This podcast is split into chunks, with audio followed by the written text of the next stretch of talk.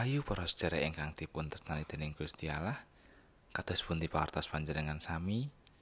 Mugi-mugi tansah ing kahanan ingkang rahayu ing papan pundi kemawon. Sumangga para sedherek ing wekdal menika kita maos pangandikanipun Gusti, kita tampeni ing salebeting manah kita. Nang saderengipun sumangga kita ndedonga langkung rumiyin. Duh Gusti Allah Rama kasuwargan. Suwan melengar sepatuko ngaturaken ageng panuwun dening paduka tansah berkahi kawula. Tansah maringi kacekapan kasarasan karahayon ngantos wekdal menika.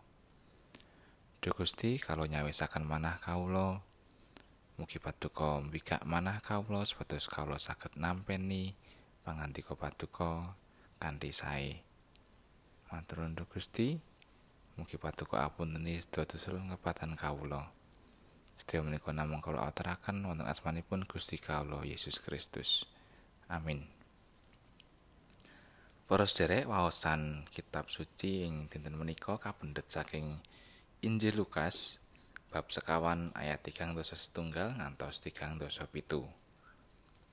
Injil Lukas ayat 3 dosa setunggal ngantos 3 dosa pitu sumangga kita waos sesarengan.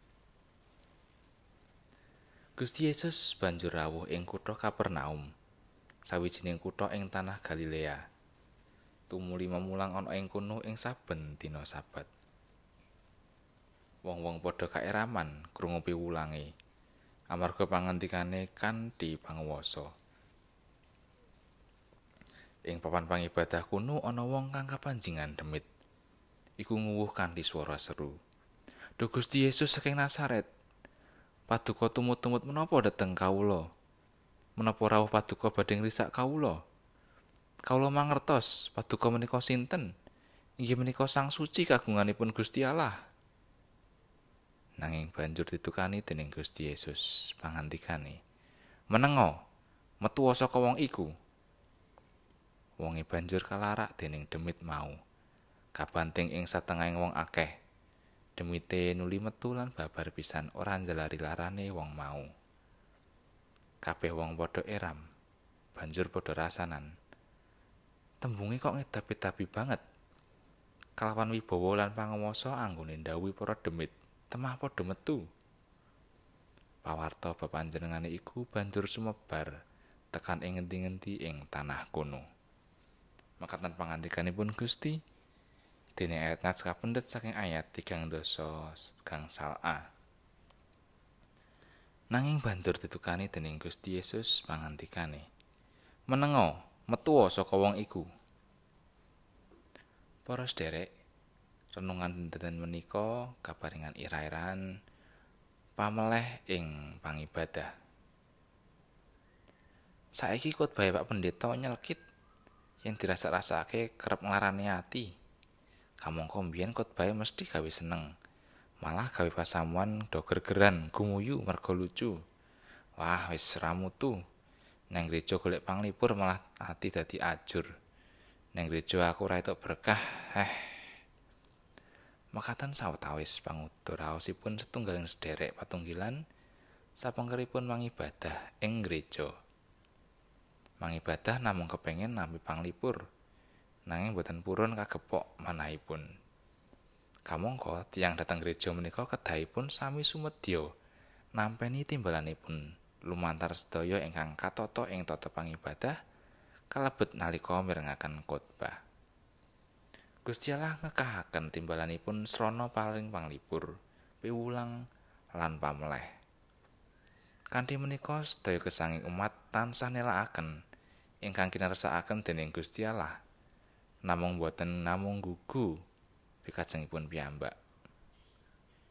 Waosan kita wanci menika nelakaken bilih Gusti Yesus ing papan pangibadah manggihaken setunggaling tiyang ingkang kepanjingan demit ingkang rumaos mboten jenjem karena rawuhipun panjenenganipun awit kaanggep badhe ngrisak kawontenan ingkang sampun mapan. Demit menika rumaos sampun sekeca nganjingi tiyang wau. Saben-saben tiyang ingkang kapanjengan demit nderek mangibadah ing riku mboten wonten ingkang nyulayani.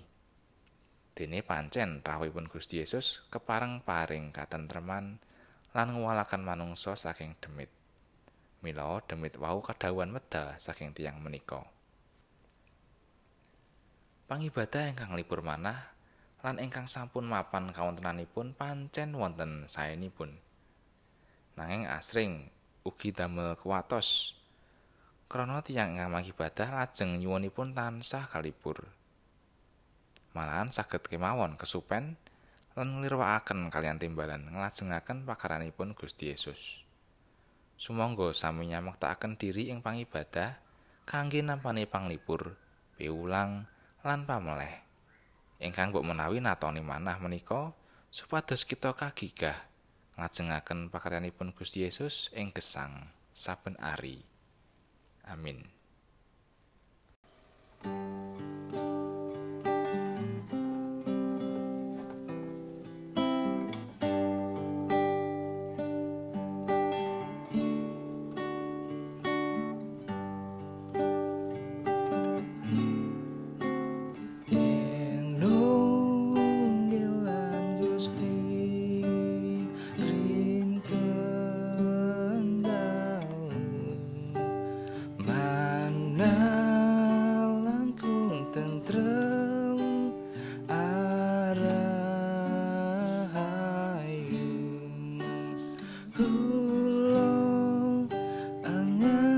Gusti siang klayan ratri you